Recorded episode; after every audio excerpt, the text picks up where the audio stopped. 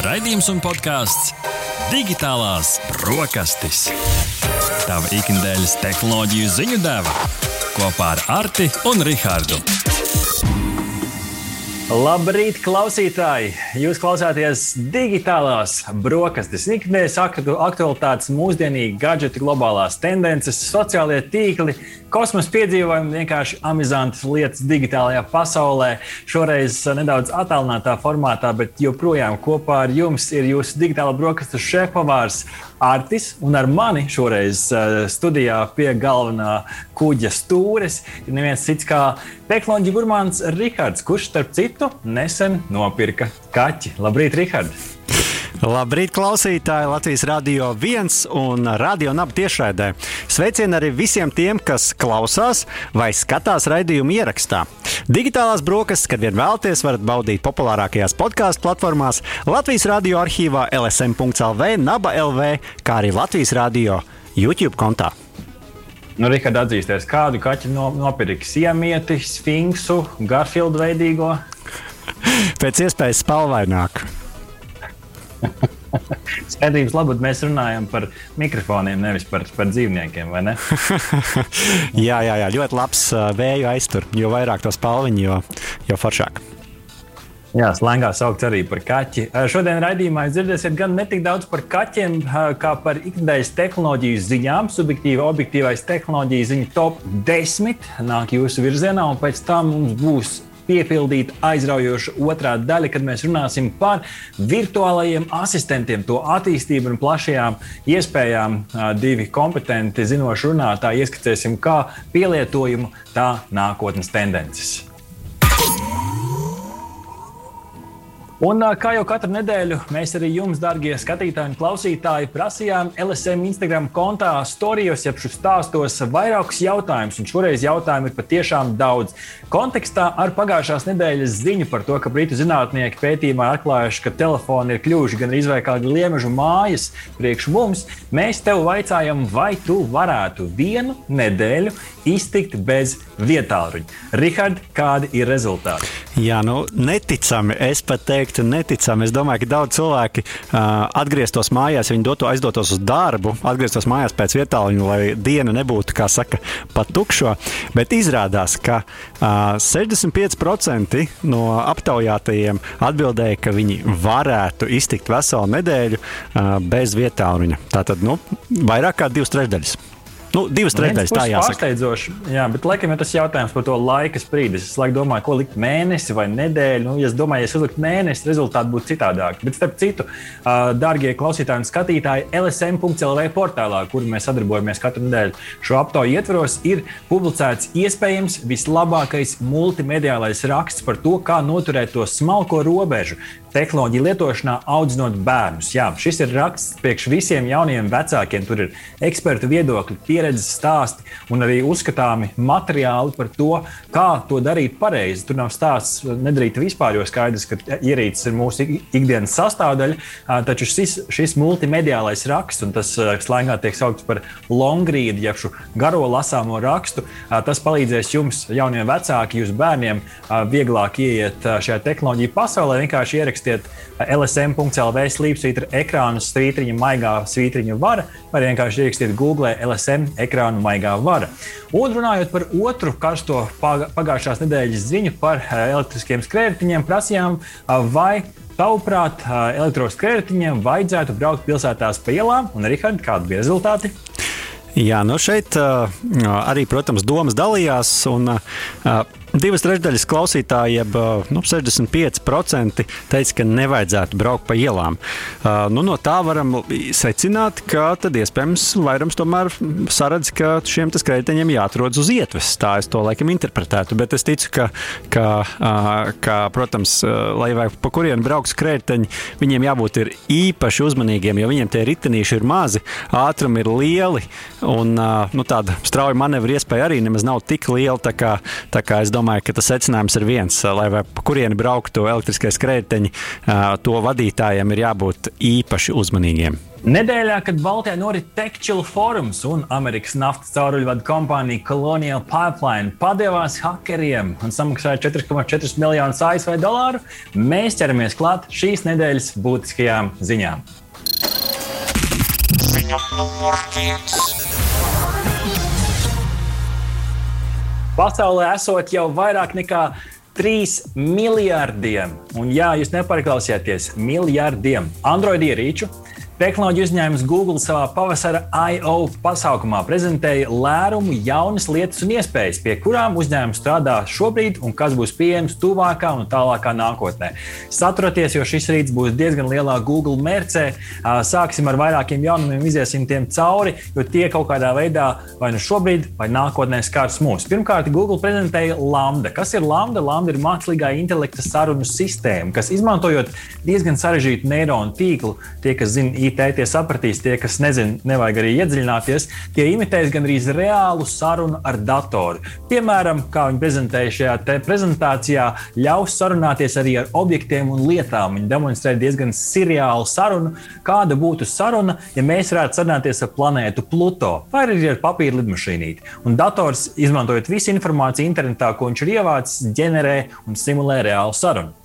Nākamais atjauninājums - Google Maps, kas saņems detalizētāku ielu kārtu ar gājēju pārējām, ar luksusforiem. No rīta izcels, piemēram, tavu mīļāko kafijas veikalu, atrašanās vietu un darba laiku. Vakarā aizvedīs tevi uz taviem mīļākajiem restorāniem, kas atbilst vairāk tavām garšas iezīmēm, un rādīs arī rajonu noslogotību. Visiem tiem introvertajiem cilvēkiem, kuriem pēc Covid būs jālien ārā, neuztraucieties, jo Google Maps jums pateiks, cik daudz cilvēku kurā rajonā šobrīd tusējās. Chrome būs papildinājums, lai rādītu tavu online veikalu iepirkšanās groziņu. Manuprāt, tas ir uh, svarīgi tīpaši attālinātajā laikā, kad iepērkamies daudz attālināti. Ļoti daudz jaunumu Google Photos. Pirmkārt, Little Patterns ar mašīnu mācīšanās palīdzību atpazīs līdzīgas bildes tavā Google Photos albumā un pēc to īpašībām uzzinās tev pilnīgi jaunas kolāžas. Piemēram, atspoguļot visus piedzīvojumus, kuros tu devies izmantojot savu sarkano piedzīvojumu somu. Otrakārt, Cinematic Moments sintēzēs līdzīgus attēlus un radīs jaunus, virtuāli radītus attēlus, lai līdzīgi kā Harijā Poterā imitētu tādu gifu veidīgu kustību, piemēram, diviem cilvēkiem paskatoties vienam uz otru, un to viņš izdarīs, izmantojot tikai divus attēlus, pārējos uzģenerējot pats no sevis. Treškārt, Google attēlu algoritmi daudz labāk atpazīs un reproducēs cilvēkus ar dažādiem ādu krāsas toņiem. Un ceturtkārt, Google Photos būs atsevišķa slēpta mape, kurā jūs varēsiet paslēpt savas nerātnās bildītes. Google strādā ar, arī ar Workspace. Uh, Rikārd, tev bija kaut kas piebilstams? Es tikai gribēju teikt to, ka uh, atcerieties, ka uh, bildītes ir jau glabāt Google, bet nu, reizēm ir par tām arī jāmaksā. Un tagad, uh, man liekas, pēdējā laikā tieši pacels. To mēs tikai vēl jābūs. Jā, jā, jā, jā par to mums noteikti vēl mm -hmm. aprunāsimies tieši tā. Uh, tālāk, Car Key ļaus caur telefonu atslēgt un palaist un aizslēgt jaunākās automašīnas ar Google atbalstu un ļaus arī draugam aizdot atslēgas caur telefonu. Ļoti interesanti lieta bija Project Starline, kas noķers tavu ķermeņa aprises no dažādiem leņķiem, izveidos tavu 3D moduli, lai pēc tam uz īpaša ekrāna šādos video zvanos ļautu priekšā sēdošo cilvēku maksimāli imitēt tā, ka viņš izskatīsies tā, it kā viņš sēdētu tev tieši priekšā, kustēsies atbilstoši tavām kustībām. Un, iespējams, pēdējās divas svarīgākās ziņas - Google radīs arī ādas pigmentu atpazīšanas lietotni, kas ļaus tev atpazīt aizdomīgos plankumus tev uz ādas, lai palīdzētu, iespējams, pamanīt kādus vēža veidošanās riskus. Un pats pēdējais jaunums - Google Wear OS savienosies ar Samsung Tizen operētāju sistēmu. Ja šu, uh, šīs abas vietpunktiņu operētāju sistēmas turpmāk būs lielākā sinerģijā, lai nestu vienotāku pieredzi un lielāku fitnesa atbalstu nozarei. Jā, nu tiešām daudz jaunumu no uh, Google, bet uh, ar to vēl viss nebeidzas. Jā, paliekam pie Google. Google I.O. pasākumā pasaulē tika prezentēta jaunākā Android 12 operāsi, operētāja sistēmas versija, ko viņi paši sauc par lielāko dizaina pārveidojumu Android vēsturē. Un par to mums raksta TheVerge.com. Pārveidots viss no lock screen līdz animācijām un lielākām krāsainām pogām.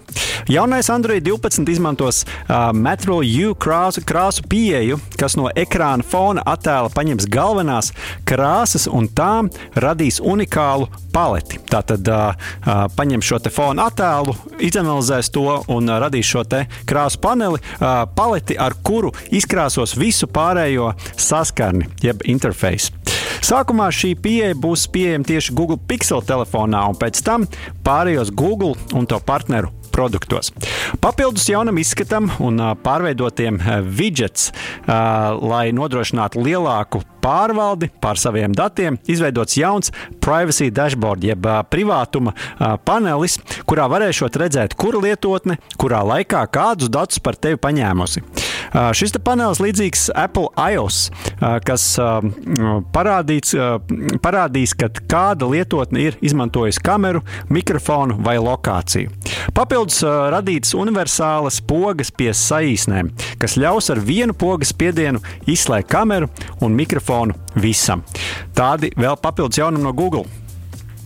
Nu, es šo varētu ļoti vienkārši raksturot. Tie, kas varbūt vēl nav redzējuši vizuāli, kā tas izskatās, uz ielas satikās Apple un Google un uztaisīja savu mīlestības bērniņu, kas ir Android 12. Ziņa. Tie, kas nesaprot par to Google bērniņu, tur uh, vienkārši vizuāli izskatīsies uh, līdzīgi kā Apple. Bet uh, ziņa numur trīs, uh, kā Rihards pieminēja par Google Photos, no šī gada 1. jūnija visi foto un video, kas glabājās tevā Google Photos kontā, tiks pieskaitīti pie kopējā Google konta 15 gigabaitu atmiņas limita. Tas nozīmē, Ļoti vienkārši. Esošiem limitam, ko veido tavi Gmail e-pasti, Google Drive saturs un citu programmatūru, tiks tam visam pievienots klāts fotos šis apjoms. Iepriekš viņš tur nebija. Un, attiecīgi, nu, Google vai nu prasīs atbrīvot vietu, vai arī prasīs papildus samaksāt naudu. Kā raksta TheVerge.com, ja nevēlies papildus maksāt Google, lai savus attēlus un video tur glabātu, var pārvietot tos uz, citu, uz kādu citu servisu. Bet to nevar vienkārši izdarīt ar Google Photos. Ir tāds īpašs servis kā Google Takeout, bet viss kārtībā. Arī Google Photos uzspiežot settings, export your data, backup.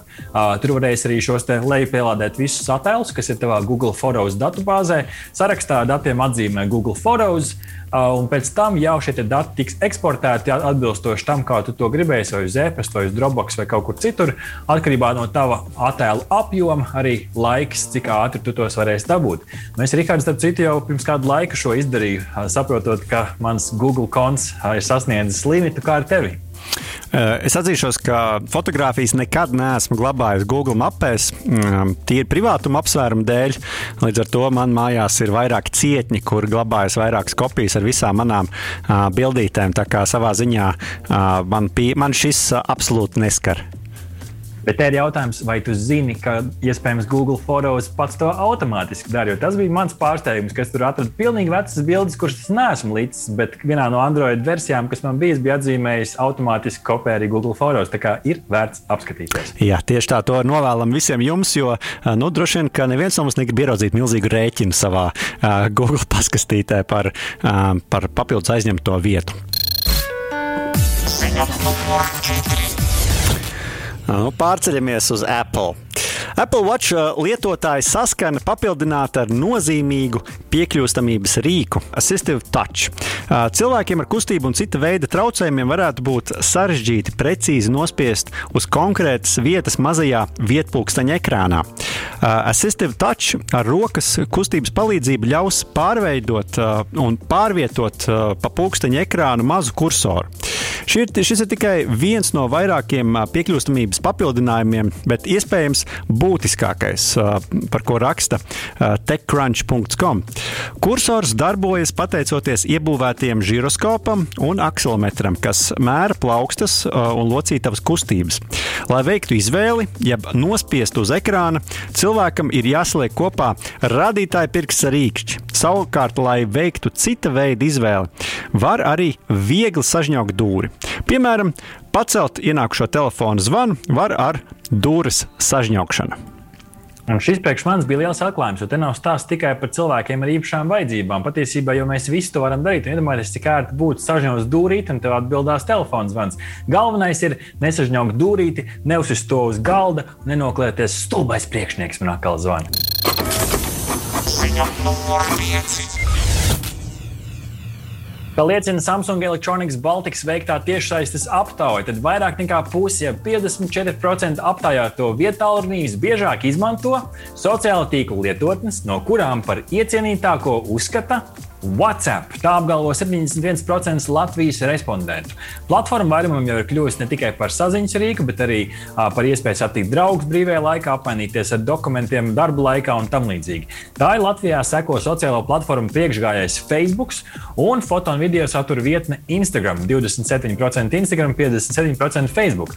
Baltijas valstīs mēs esam topā. WhatsApp lieto uh, Lietuvā 21%, Igaunijā tikai 19%. Interesanti, kāpēc šāda atšķirība. Grūti šobrīd pateikt. Jauniešu vidū sociālo lietotņu patēriņš atšķirās. Iecienītākā lietotne nemainīga ir WhatsApp, tā seko Instagram, tad Facebook, un trešdaļa apgalvo, ka aktīvi izmanto arī Snapchat un TikTok. Es pats, Rihard, nezinu, kā tu, es pat gaidīju, ka būs otrādi, ka šīs Snapchat un TikTok lietotnes būs numur viens un numur divi, bet nu, izrādās laikam klasika neizmirst. Jā, interesanti. Un, starp citu, ja mēs skatāmies kopumā uz Lietuvu un Igauniju, tad kaimiņu valstīs lietotākās sociālo nu, mēdīju, platformas mobilajos telefonos ir tieši Facebook. Lietuvā pat 80% telefonu ir šī te, tiek lietot Facebook, un, un Igaunijā 59%. Nu, Lietuvas rādītājs man tiešām pārsteidz. Un šobrīd ļausim, darbie skatītāji un klausītāji, šo visu sagremot. Paklausīsimies vienu muzikālu gabalu, un tad atgriezīsimies šajā rītā ar ziņu numuru 5. Nē, 6. Godlike! Ziņa numur 6. Jā, klausītājs, sveicu jūs atpakaļ pie digitālo brokastu galda. Ziņa numur 6 tepat no Latvijas. Tekčī Lietuvos jau otro reizi norisinājās LMT IOT, jeb Internet of Things hackathons, kurā iepriekš atlasīti tehnoloģiju jomas entuziasti pieredzes bagātu mentoru vadībā strādāja pie inovatīvām idejām lietu interneta pielietojuma atrašanā. Pēc trīs dienu aktīva darba žūrija par uzvarētājiem atzinusi komandu Automa Automation is the Future, kura uh, prezentēja ideju par vietāluņa kontrolētu automātisko maidzīnieku barotavu. Uh, uzvarētāja idejas pamatā ir interaktīva elektroniskā ierīce aizņemtiem maidzīnieku īpašniekiem, kuri novērtē iespēju savus mīluļus pabarot attālināti, paralēli tos arī apmācot. Šī ideja komandas līderim Jānim Miltiņam radās jau līdz hackathonam, taču tieši kopā ar pārējiem komandas biedriem to šobrīd ir izdevies attīstīt tālāk. 48 stundu laikā dalībnieki radīja un testēja ierīces prototipu, pārliecinoties par tās potenciālu reālajā dzīvē, kas kļūst īpaši aktuāli, kad daudz maidzīnieku īpašnieki ikdienā vairs nestrādās no mājām. Otro vietu astoņu komandu konkurencē iegūta dalībnieku apvienība 0x10F2C, kuri nāca klajā ar Smart Garden Plus ideju ar mērķi izveidot vienotu ekosistēmu, kas lietotājiem palīdz rūpēties par savu dārzu. Savukārt, kā trešo, daudzsološāko eksperti atzina komandas Too, uh, too Tall to Be True ideju par adaptīvo satiksmes uzraudzības platformu. Rihards, tu neticēsi, bet es tieši vakar gāju pa ielu un domāju, nē, man noteikti nākotnē vajadzēs šādu automātisku barotavu tajā brīdī, kad gribēšu kaut kur doties garākā ceļojumā vai tam līdzīgi. Un reku šeku ir jau kaut kas radīts. Tā kā es domāju, ka šis būs ļoti plaši pieprasīts produkts tajā brīdī, kad šis iespējams parādīsies kādu dienu īstajā tirgu. Jā, patiesi domāju, daudzi izmantojot šo brīdi, kad mēs strādājam no mājām, ir paņēmuši kādu jaunu mājdzīvnieku, un tad šis patiesi noderēs. Ziņa numur 7. Kā raksta uh, TheVerge.com, mūzikas platforma Spotify ir iegājusi virtuālo koncertu industrijā, piedāvājot tās lietotājiem pirmos piecus lielos koncertus ar The Black Keys, Rag and Bone Man, Bleachers, Leon Bridges un Girl in Red. Uh, pēdējais koncerts ir tieši Jāņu vakarā. Uh, koncerti gan būs iepriekš ierakstīti, taču būs redzami tikai konkrētā laikā caur tīmekļa pārlūka versiju lietotnē vēl nevarēs skatīties. Maksa, mēs gan nevaram šeit radio etrā runāt par konkrētām cenām, bet būs nu, lielāka nekā par standarta Spotify mēneša abonementu maksu. Paši varat apstīties, cik tas maksā. Koncerts Spotify platformā ir tāds nākamais attīstības solis, jo patiesībā Spotify jau ar šo koncertu biznesu kādu laiku eksperimentē un patiesībā ļoti labi pelna. Vairākus gadus atpakaļ tika uzsākta sadarbība ar Eventbrite platformu, kas tā, tirgo biļetes, un 2017. gadā palaida Fans First programmu, ar kuru Spotify nopelnīja 40 miljonus gadā, piedāvājot karstākajiem faniem īpašas priekšrocības un lietas, jā, kā iespējams satikt savus uh, mīļākos mūziķus un noklausīties īpašus ierakstus tikai un vienīgi viņiem. Tā kā Reku Šeku Rihard ir pirmais Spotify koncerts. Nu, man šķiet, šis kaut kā sasaucās ar mūsu visu valsts stāstu par ēdziesmu svētkiem. Varbūt var kaut ko ar Spotify sarunāt. Es domāju, ka šis sasaucas kopumā ar to tendenci, un, nu, kā mēs zinām, arī Latvijas vienai no populārākajām grupām Prāta vētra ir paredzēts virtuālais koncerts rudenī. Tā kā, tā kā nu, kopumā šis noteikti atspoguļo arī tādu kopējo tendenci. Nu, ja kas baudīsim, baudīsim, baudīsim šos te koncertus. Starp citu, arī Zoom iet virtuālo pasākumu lauciņā ar savu jauno mm -hmm. OnZoom platformu, kas ir līdzīga tām, kas redzētas darbībā arī šeit, Latvijā, nu, kā Painu un Mito. Jā, patiešām Zooms arī kaut ko līdzīgu dara. Tā kā nu, joprojām visu laikam gatavojas, ka mēs šo attālināto pieeju nekur vēl ilgi nepazaudēsim.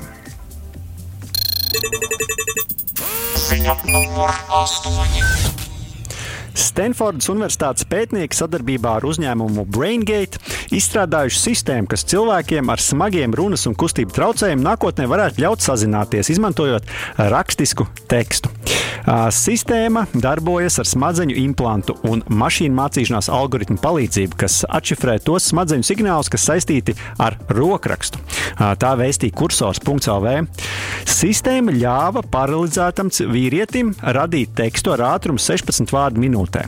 Eksperimenta laikā vīrietis mēģināja kustināt paralizēto roku, lai rakstītu vārdus, un vizualizēja burtu rakstīšanu vienu otram blakus. Neironu tīkls katru vizualizēto zīmi identificēja un ierakstīja ar 95% precizitāti.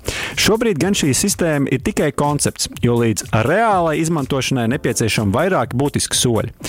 Implanta ievietošana smadzenēs, datora apmācīšana par cilvēku roku kustībām un lielas skaitļošanas sistēmas jaudas nodrošināšanu, nemaz nerunājot par sistēmas dārdzību.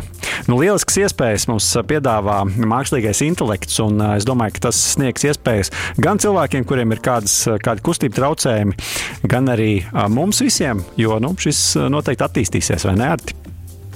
Es domāju, pilnīgi noteikti eh, šo visu Neuralink trendu un arī šo eksperimentu mēs lēnām, lēnām, lēnām ejam uz to, ka kādu dienu mēs varēsim rakstīt ar savu prātu. Nu, es domāju, ka nekur jau Rihard, nepazudīsim. Ja nu kāds eh, zinātnieks mūs klausās, tad rekur eh, esam gatavi notestēt. Kit? Kit, talk to me! Nav noslēpums, ka pandēmijas laikā restorāni meklē dažādus veidus, kā ietaupīt. Un tas noved pie lielākām investīcijām ēdienu pagatavošanas tehnoloģijās. ASV Sietlā bāzēts uzņēmums Piknik saņēma 16,3 miljonu ASV dolāru lielas investīcijas picu cepšanas robota izstrādē. Tieši picu, jo picu cepšana ir diezgan automatizējams process, pateicoties tā vieglā, vieglo soļu dēļ. Picu uzsver, protams, tā ir māksla, bet nu, tie soļi ir diezgan aprakstāmi un izdarāmi robotam. Uzņēmums eh, Piknik nākotnes perspektīvā redz, ka šāds robots noderētu ne tikai restorāniem, bet arī skolām, stadioniem, slimnīcām un tam līdzīgi. Piknik, protams, nav pirmais spēlētājs šajā lauciņā. ASV konkurence viņiem sastāv tādu uzņēmumu kā X-Robotics un Zoom, bet, ja viņi iedomātos nākt šeit uz Latviju, tad viņiem priekšā stāvētu RoboEats komanda, kura, par kuru mēs stāstījām pagājušajā gadā, kur ir veidojuši uh, robotu, kas spēj pagatavot dažādus ēdienus. Rihard, ja tev jādod priekšroka, lētāka pica, kas cepta pie robota, vai ar rokām mīcīta garda itāļu pica, kurai tu dod priekšroku? Nu, tu jau atbildēji, teici, ka tā itāļu pizza ir garda, vai ne? Nē, es domāju, ka katrā situācijā es domāju, ka būs vislabākais risinājums. Un, es domāju, ka es vienlīdz labi izbaudīšu arī, teiksim, pa ceļam uz darbu vai kādu citu vietu paķertu robotu cepto pizzu šķēli. Un tikpat ļoti izbaudīšu arī kādā, varbūt, itāļu restorānā nogaršo to īpaši man cepto pizzas šķēli. Tā kā, tā kā katrai, katrai, katram robotam un katram arī pavāram savu, savu vietu. Es domāju, ka tikai lieliski, ka tehnoloģijas attīstās. Ziņa numur desmit. Ķīnas pašgājējs robots sestdienas rītā pirmo reizi nolaidās uz Marsa. Kā raksta LSM.CLV, nolaišanās aparāts ar pašgājēju robotu Džūžun uh, pabeidza sarežģīto nolaišanos caur Marsa atmosfēru, izmantojot izpletni septiņu briesmu minūšu ilgā navigācijas procesā. Nolaišanās lokācija bija plašs lavas līdzenums - Utopija plan, Planitija. Marsa ziemeļu puslodē misijas, tātad tas viss notika Marsa ziemeļu puslodē.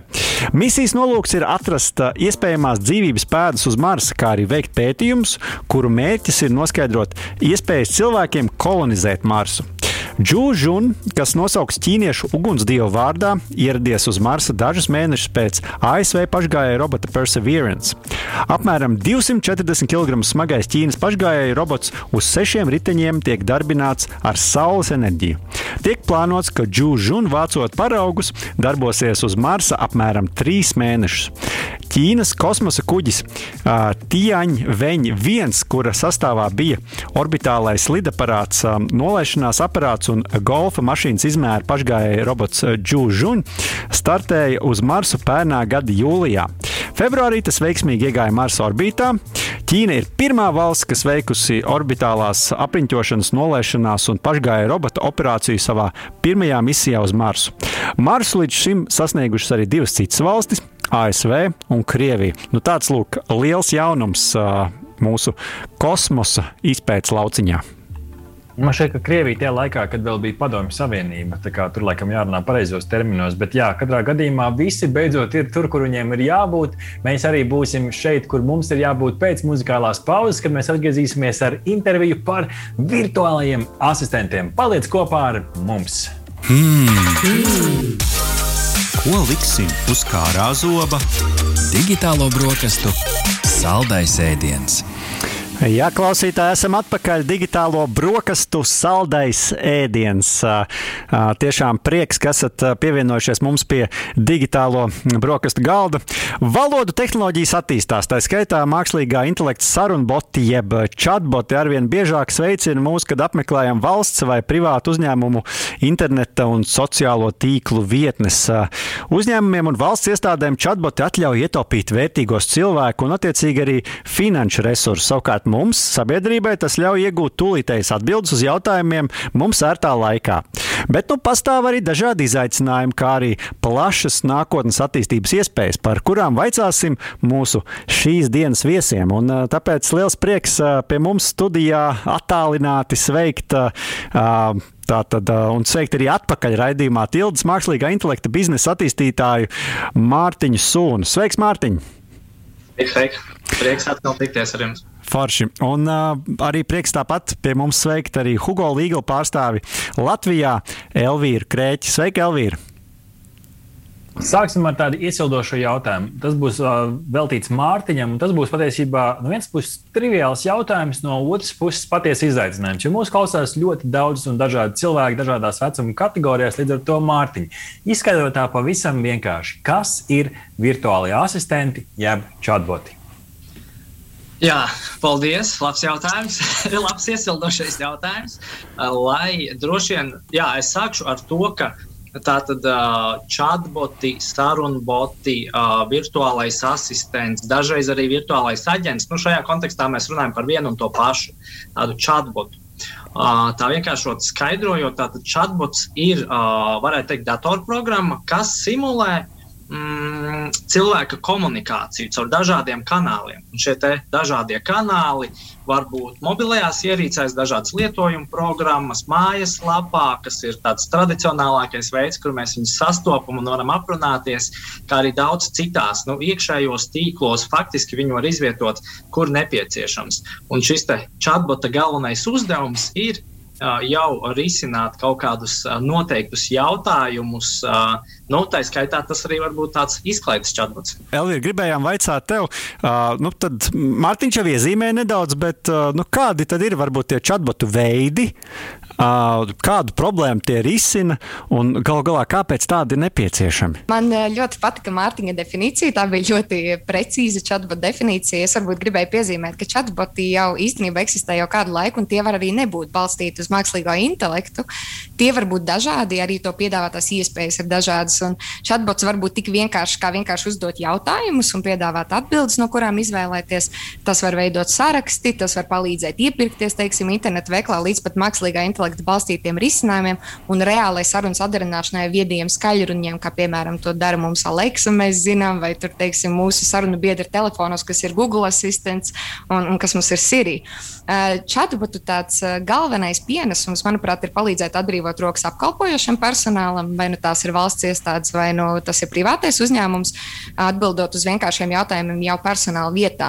Piemēram, ja ir manīts, ka uzņēmumā klienti bieži vaicā pēc viena jautājuma, nu tad, lai nenāktos bieži veltīt laiku šo jautājumu atbildēšanai telefona zvanos, mēs to varam nodot jau chatbotiem. Un tad vai nu chatbots mums patiešām no atbildēs uz šo jautājumu, vai novirzīs teiksim, uz vietni, kur ir jautājuma atbilde, vai arī savienos komplicētākos gadījumos ar atbilstošo personu, kas nozīmē, ka mums jau arī nebūs jāmeklē, pie kuras personas vērsties. To izdarīs mūsu vietā chatbots. Un tad pēdējais tāds vēl pluss ir, ka tas ir klienta atbalsts 24-7. Un, principā, chatbots arī strādā laikos, kad nestrādā uzņēmuma darba laiks. Mums patīk pamocīt mūsu viesus šeit, digitālajās brokastīs, kaut arī rīts, bet tomēr jāķerās pie darba. Tāpēc jums, kā kārtīgā piču konkursā, jums būs katram dota 30 sekundes, un jums būs pavisam vienkārši jāizstāsta, ar ko nodarbojās jūs pārstāvētais uzņēmums chatbot attīstības lauciņā, un kas varbūt ir nozīmīgākie chatbot vai tehnoloģijas, ko esat izstrādājuši vai pie kuriem strādājat šobrīd. Un, protams, dāmām priekšroka, līdz ar to Elvīra aiziet, 30 sekundes ir tavs. Tātad Igaunijā Hugo Legal ir pirmais uzņēmums, kurš izveidojis specializētu juridisko virtuālo asistentu. Mēs gribam ticēt, ka arī Baltijā. Bet eh, chatbotus veidojam sadarbībā ar juristiem un birojiem, kā viņu palīgus. Tie palīdz atbildēt uz jautājumiem, gan ģenerē vienkāršus dokumentus, palīdz rezervēt laiku sarunai ar juristu, savieno ar juristu. Iespējas ir daudz un dažādas, bet šobrīd mūsu izstrādātie chatboti apkalpo vairāk kā 8000 aktīvu lietu, starp kurām ir vairāk kā 700 lietas. Un Baltijā šobrīd nozīmīgākais ir uh, Dieselgate chatbots, Polijā Frankbots, Igaunijā parādpiedziņas un tiesību elementu bots. Nu, saprotu, ka mans Super. laiks ir. Tieši 30 sekundēs. Mārtiņ, noteikumi tev tādi paši aiziet. Jā, nu, Noteikti jāmin, ka Tilde nodarbojas ar, ar citām arī uh, valodu, tehnoloģiju, uh, valodu tehnoloģijām, bet no chatbotiem tieši mums svarīgākais noteikti ir tas, ka šīs te, uh, mūsu kompleksās valodas un visi rīki lielākoties ir izveidoti tepat Latvijā, mūsu uh, uzņēmumā, kā arī līdz ar to mēs tos varam pielāgot faktiski uh, visām valodām, kurām ir kaut kāda digitāla dati. Ja mēs runājam par visiem chatbotiem, tad mēs jau daudz redzam uh, publiskajā sektorā mūsu uh, pārstāvētos botus.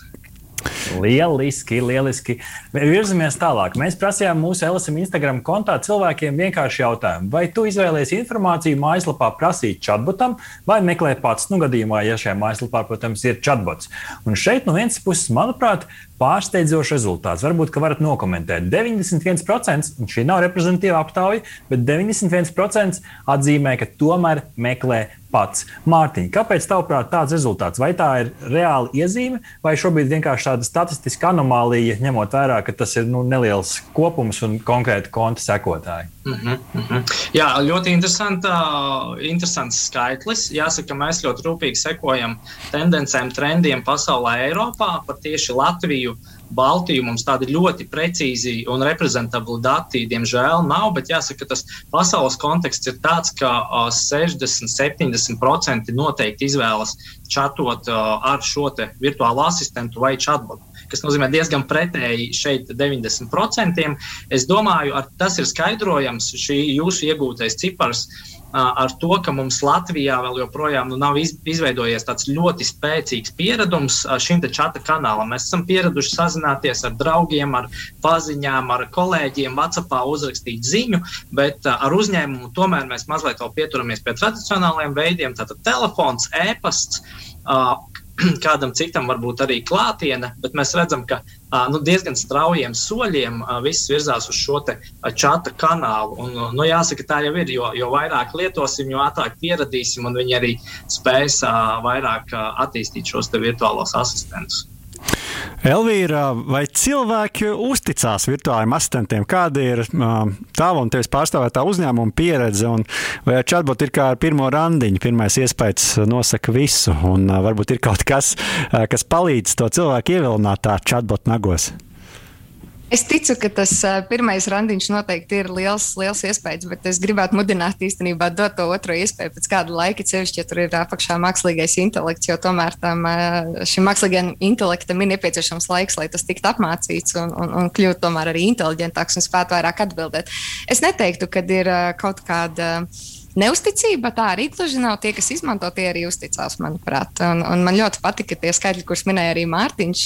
Tā ir arī statistika, par kur es vairāk zinu, bet es ticu, ka tie trendi visi arī vēlāk arī atnāks līdz Latvijai. Līdz ar to tas, kas mums notiek mhm. pasaulē, es ticu, ka arī vēlāk arī pie mums būs.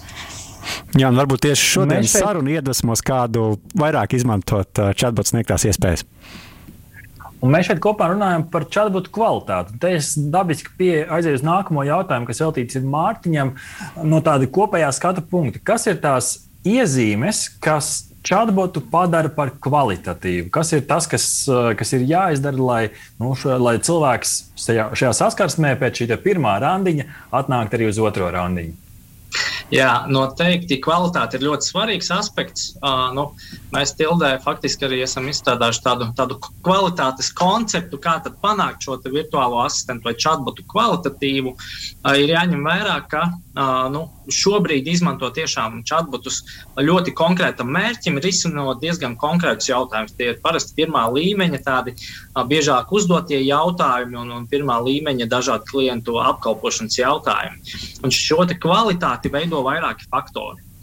Pirmkārt, tā ir chatbota personība, jo nu, tam tēlam ir jāsaskana nu, uzņēmuma vai organizācijas tēlu. Nevar parādīties kaut kas pārlieku futurisks vai atkal pārlieku konservatīvs, kas atverot viņu. Nu, man kā gala lietotājam liksies nu, kaut kas mazliet ārpus tās kastītes. Ir. Tas ir viens no vizuālā tēla. Tātad tīri vizuālais krāsas, viss, protams, nākamais solis ir runas stils un veids arī tikpat atbilstošs. Ja, ja tas ir startups, tad ir čaus, veiks, kā iet. Ja tas ir valsts uzņēmums vai, vai ministrija vai kas cits, tad atkal ir, ir daudz šie te, uh, uzrunas veidi, vairāk jau tādi uz jums un, un tam līdzīgi. Un uh, nu, trešais, tas lielais koncepts, protams, ir saturs, uh, atbildes. Uh, tā teikt, saturiski pietiekami nosegts lauks ar, ar tiem problēmu jautājumiem, ko visbiežāk lietotāji uzdod.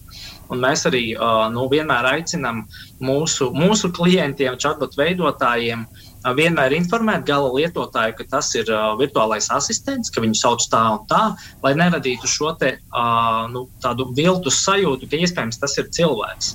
Jo nu, šo virtuālo asistentu uh, Uh, iepazīstinot sākotnēji un pasakot, ko viņš aptuveni zina par kādām tēmām, atbildēt, par ko viņš mācās, iespējams, man tas rada jau priekšstatu, ko es diezgan ātri varu noskaidrot. Jā. Nu, un summējot visu šo kopā, jā, mēs varam iegūt ļoti labu rezultātu. Man liekas, viens tas svarīgais, uh, svarīgais aspekts kvalitatīvam chatbotam arī ir līdzīgi kā mājaslapai. Nu, tas nav uztaisīju, ieliku, atstāju. Tas ir visu laiku mēs viņu pilnveidojam, mēs papildinām informāciju, jo cilvēkiem rodas jauni jautājumi, uzņēmumiem rodas jauni pakalpojumi, un tam visam jāiet laikam līdzi. Jā, nu interesanti. Mārtiņš iezīmēja daudz tos kvalitātes aspektus. Noteikti gan tildi tos izmanto, gan noteikti arī Hugo Punkts Legal strādā ar tiem.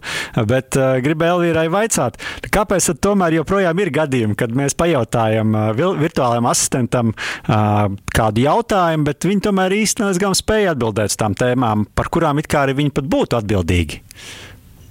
Nu, pirmkārt, tas droši vien ir arī atkarīgs no tā, kāda tipa tas ir virtuālais asistents, vai tur ir mākslīgais intelekts vai nav. Ja tas ir tāds, tāda parasta sarunas plūsma, tad droši vien tur ir daudz vairāk limitāciju. Bet, lai gan mēs arī varam iztēloties, ka mākslīgais intelekts jau kļūst diezgan līdzīgs cilvēkam, ir jāatcerās, ka tas joprojām nav cilvēks. Tas spēj darboties tikai kaut kādās konkrētās apmācītās robežās.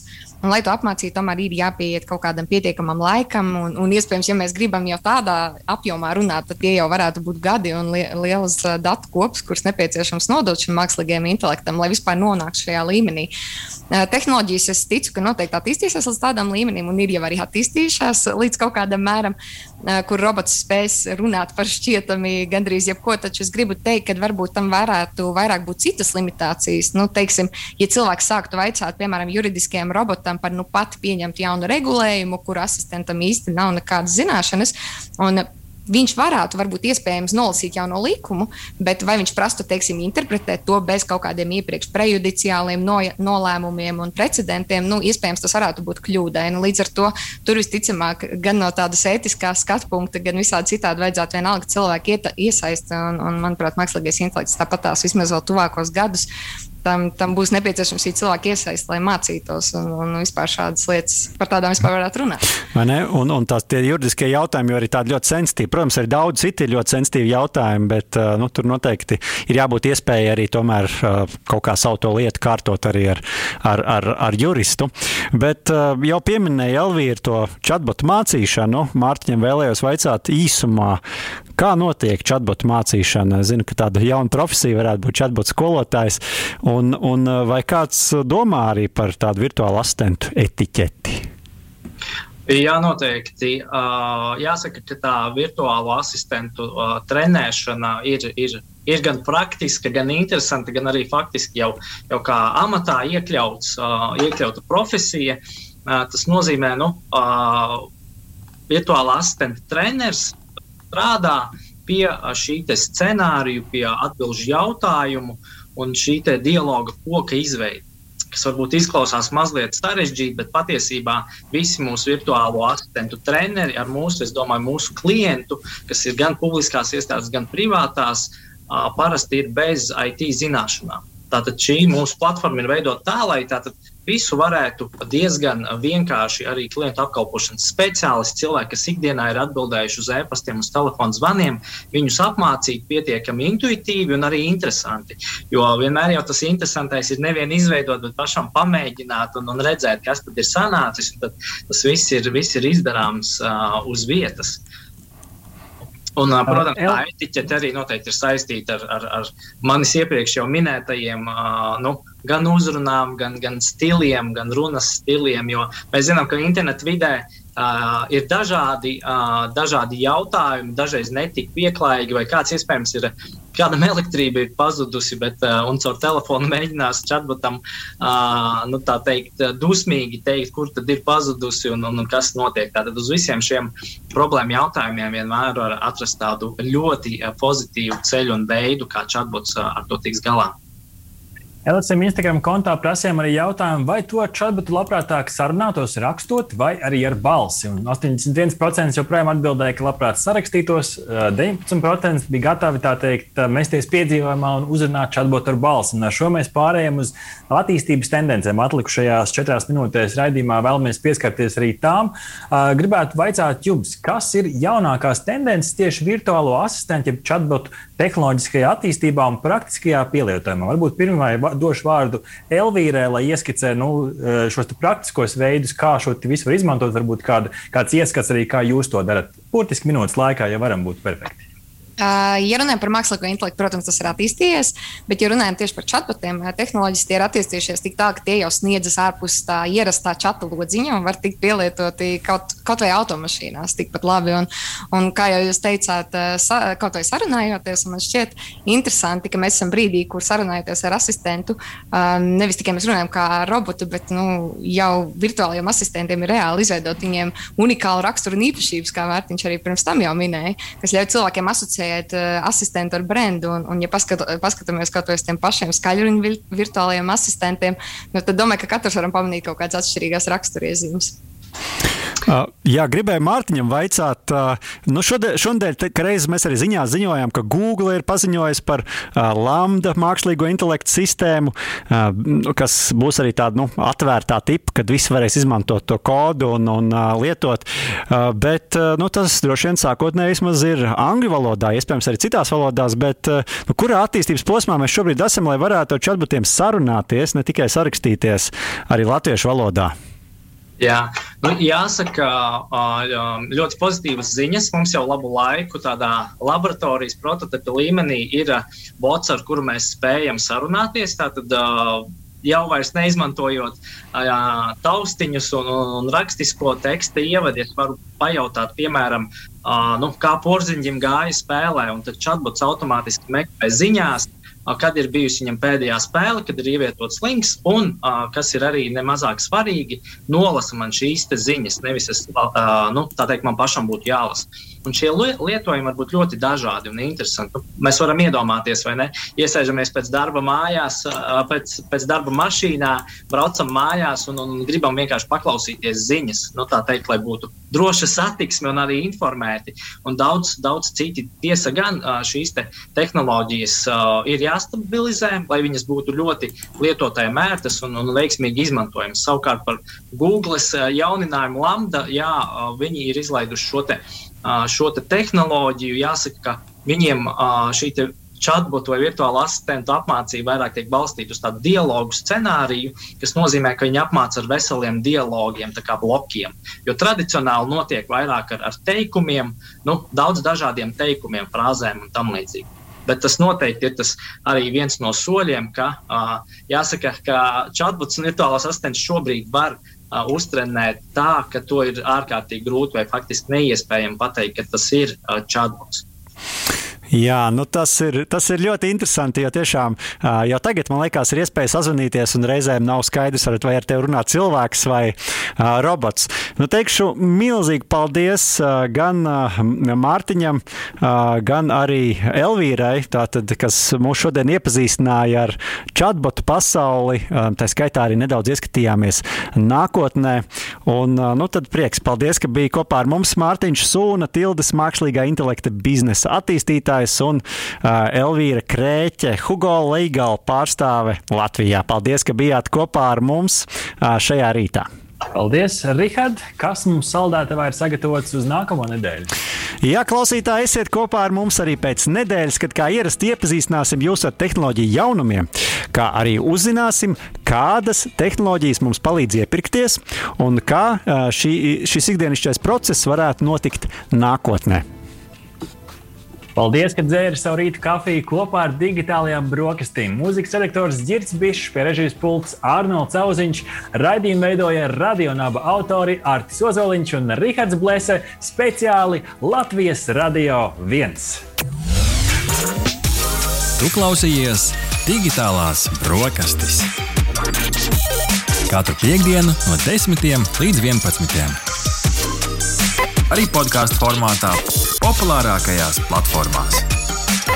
Digitālās brokastis. Tava ikdienas tehnoloģiju ziņu deva.